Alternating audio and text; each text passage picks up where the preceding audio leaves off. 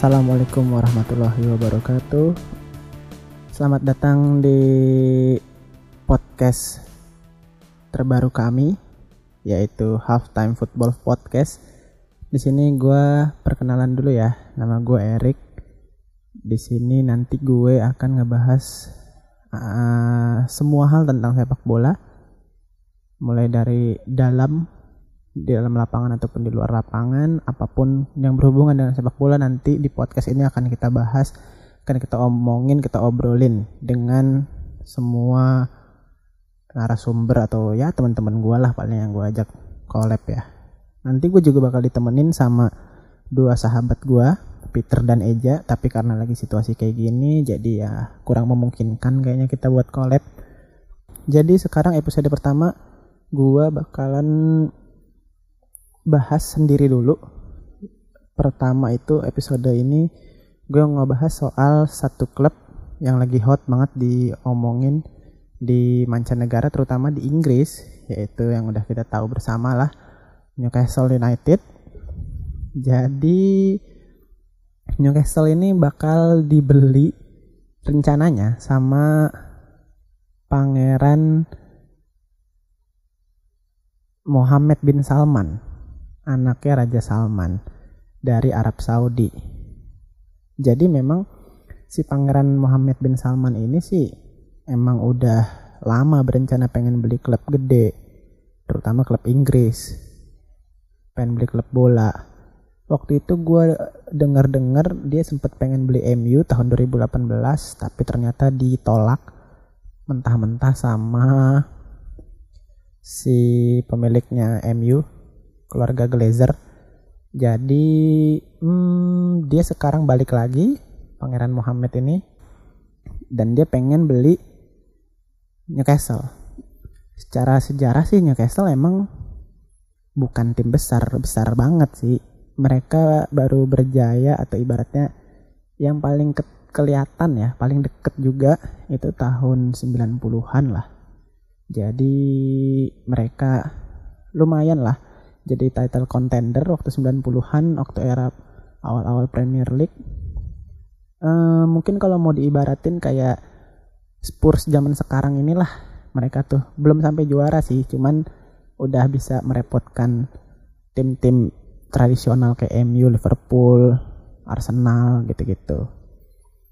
Nah, jadi si Pangeran Muhammad bin Salman ini pengen beli Newcastle ya sebenarnya sih ini langkah yang lumayan bagus sih dari dia karena eh, kalau mau dilihat dari apa ya pengalaman klub-klub lain yang udah pernah dibeli juga terutama apalagi ini sama orang Arab ya duit Arab gitu.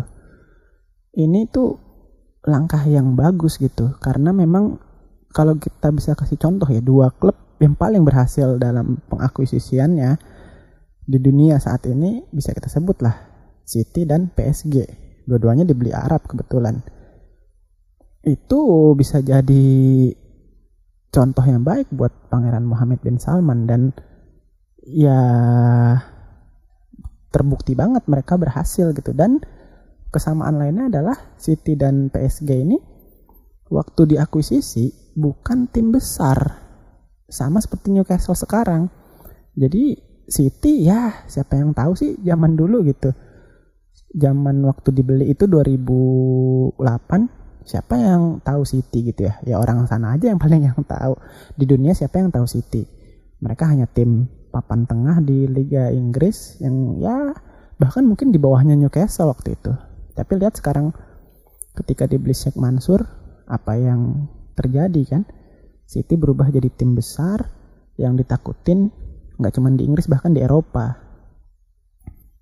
Terus ada lagi PSG PSG juga sama. Waktu di akuisisi itu 2011 PSG di akuisisi eh, gue lupa nama pemiliknya. Cuman duit duit Qatar yang tahu setahu gue hmm, sama. Waktu dibeli juga mereka bahkan bangkrut seinget gue dan berada di bawah bawah yang bayang klub besar Prancis saat itu Lyon yang juara lima kali berturut-turut Liga Prancis ya PSG bukan apa-apa waktu itu.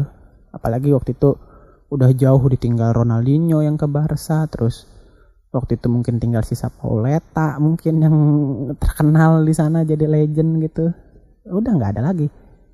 Pas dibeli sama pengusaha Qatar ini langsung tidak ada tandingannya di Liga Perancis sampai sekarang. Bahkan ya selalu merepotkan tim-tim di Eropa tim-tim tradisional. Walaupun kedua tim ini City dan PSG belum bisa ya berbicara banyak di Eropa. Cuman hmm, mereka berdua di liga sangat dikdaya lah. Bener-bener kacau lah. Jadi kalau Newcastle ini jadi dibeli sama Pangeran Mohammed bin Salman gua rasa fansnya Newcastle bisa berharap banyak nih. Karena kalau ngelihat dua tim itu pengalaman dua tim itu bisa aja Newcastle akan jadi tim ketiga yang bisa meraih prestasi dengan uang gitu. Uang Arab apalagi. Tapi memang ini perlu ditunggu sih karena ini gue udah denger lumayan lama ya sekitar seminggu atau dua minggu belakangan ini bahkan mungkin udah sebulan gue kalau gue pribadi baru ngikutin dua mingguan ini dan ini belum kelar-kelar gitu. Bahkan ada penolakan dari beberapa pihak gitu. Karena ya kasus eh, masalah politik lah eh, Arab dan Qatar. Jadi memang agak mandek. Tapi kalau pengalaman gue sih ngikutin akuisisi-akuisisi kayak gini apalagi klub favorit gue juga pernah diakuisisi. Ini memang bukan waktu yang sebentar sih ngurusin kayak ginian. Emang agak lama jadi ya kita tunggu aja gitu. Dulu gue ngikutin Inter dibeli sama menteri BUMN kita sekarang Erick Thohir itu lama banget dibelinya.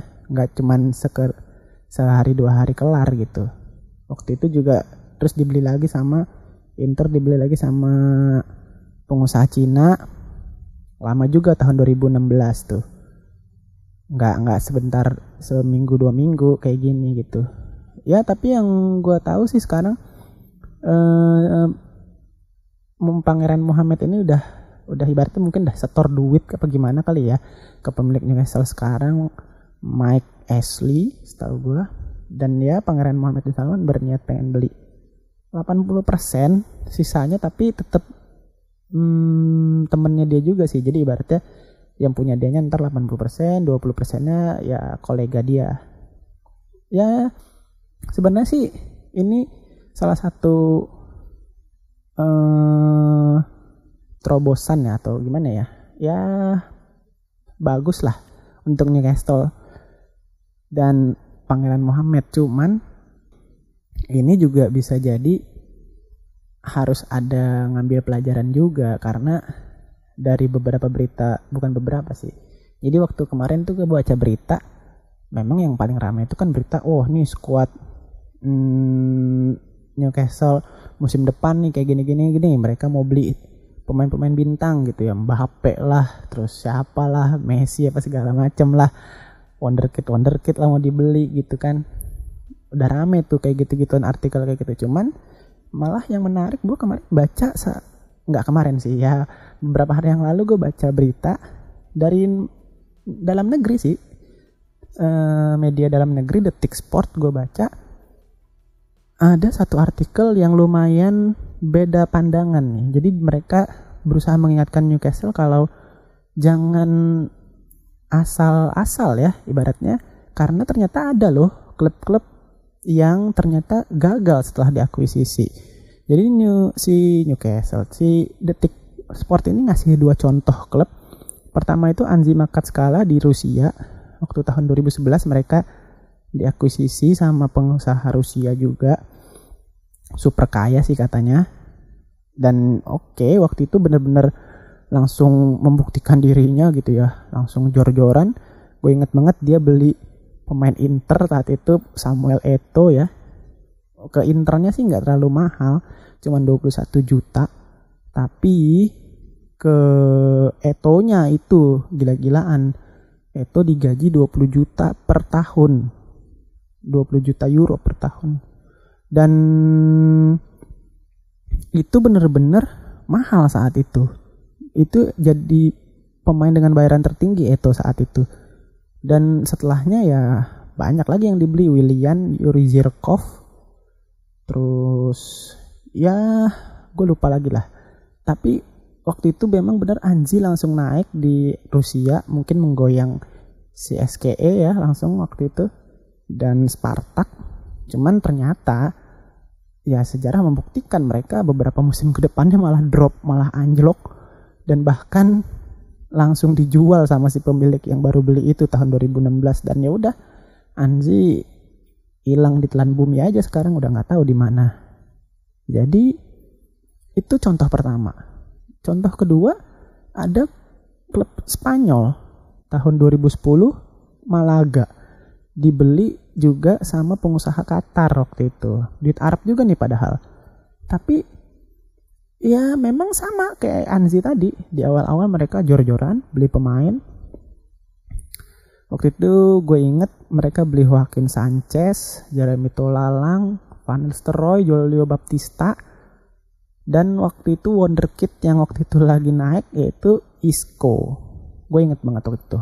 Mereka benar-benar langsung jor-joran dan terbukti bukan terbukti maksudnya langsung ada buktinya lah ada hasilnya lah mereka masuk Liga Champions empat besar main di Liga Champions tapi ya nggak lama ternyata tahun-tahun berikutnya kalau nggak salah sama tuh di kayak Anzi.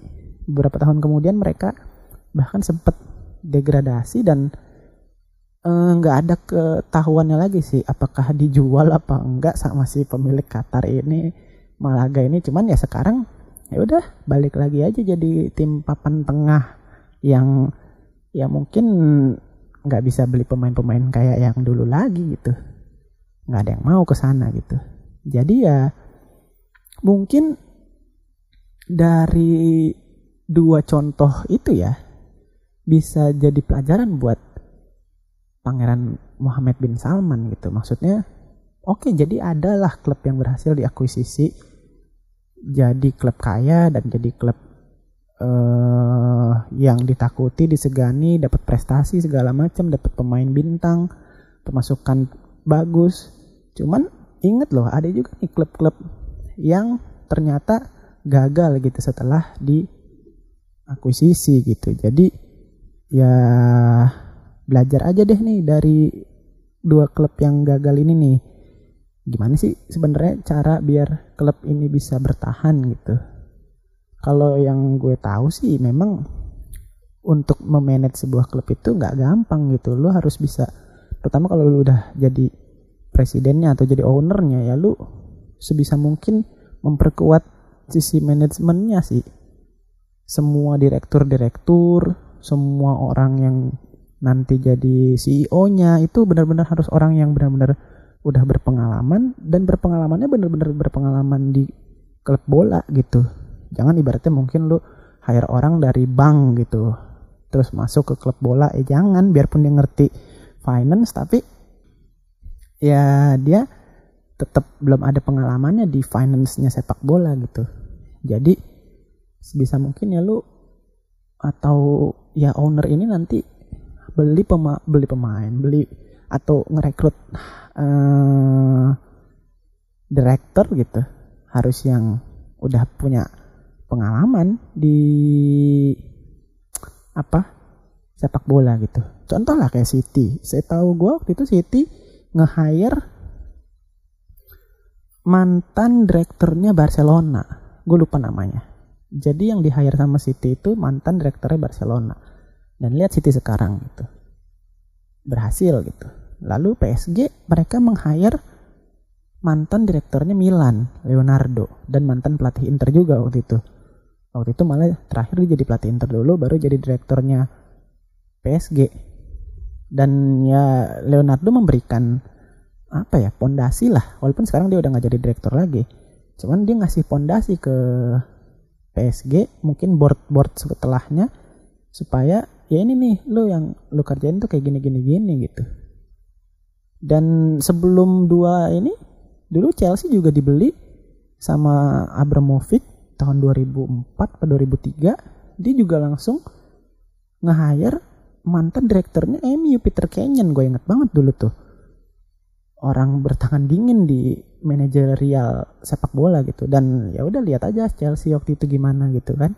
Berhasil. Bahkan sampai sekarang mereka tetap konsin konsisten gitu kan di papan atas Liga Inggris gitu. Jadi ya kalau misalnya emang Pangeran Muhammad bin Salman serius gitu di Newcastle bukan cuman buat main-mainannya dia doang ya cobalah tiru City, PSG, Chelsea.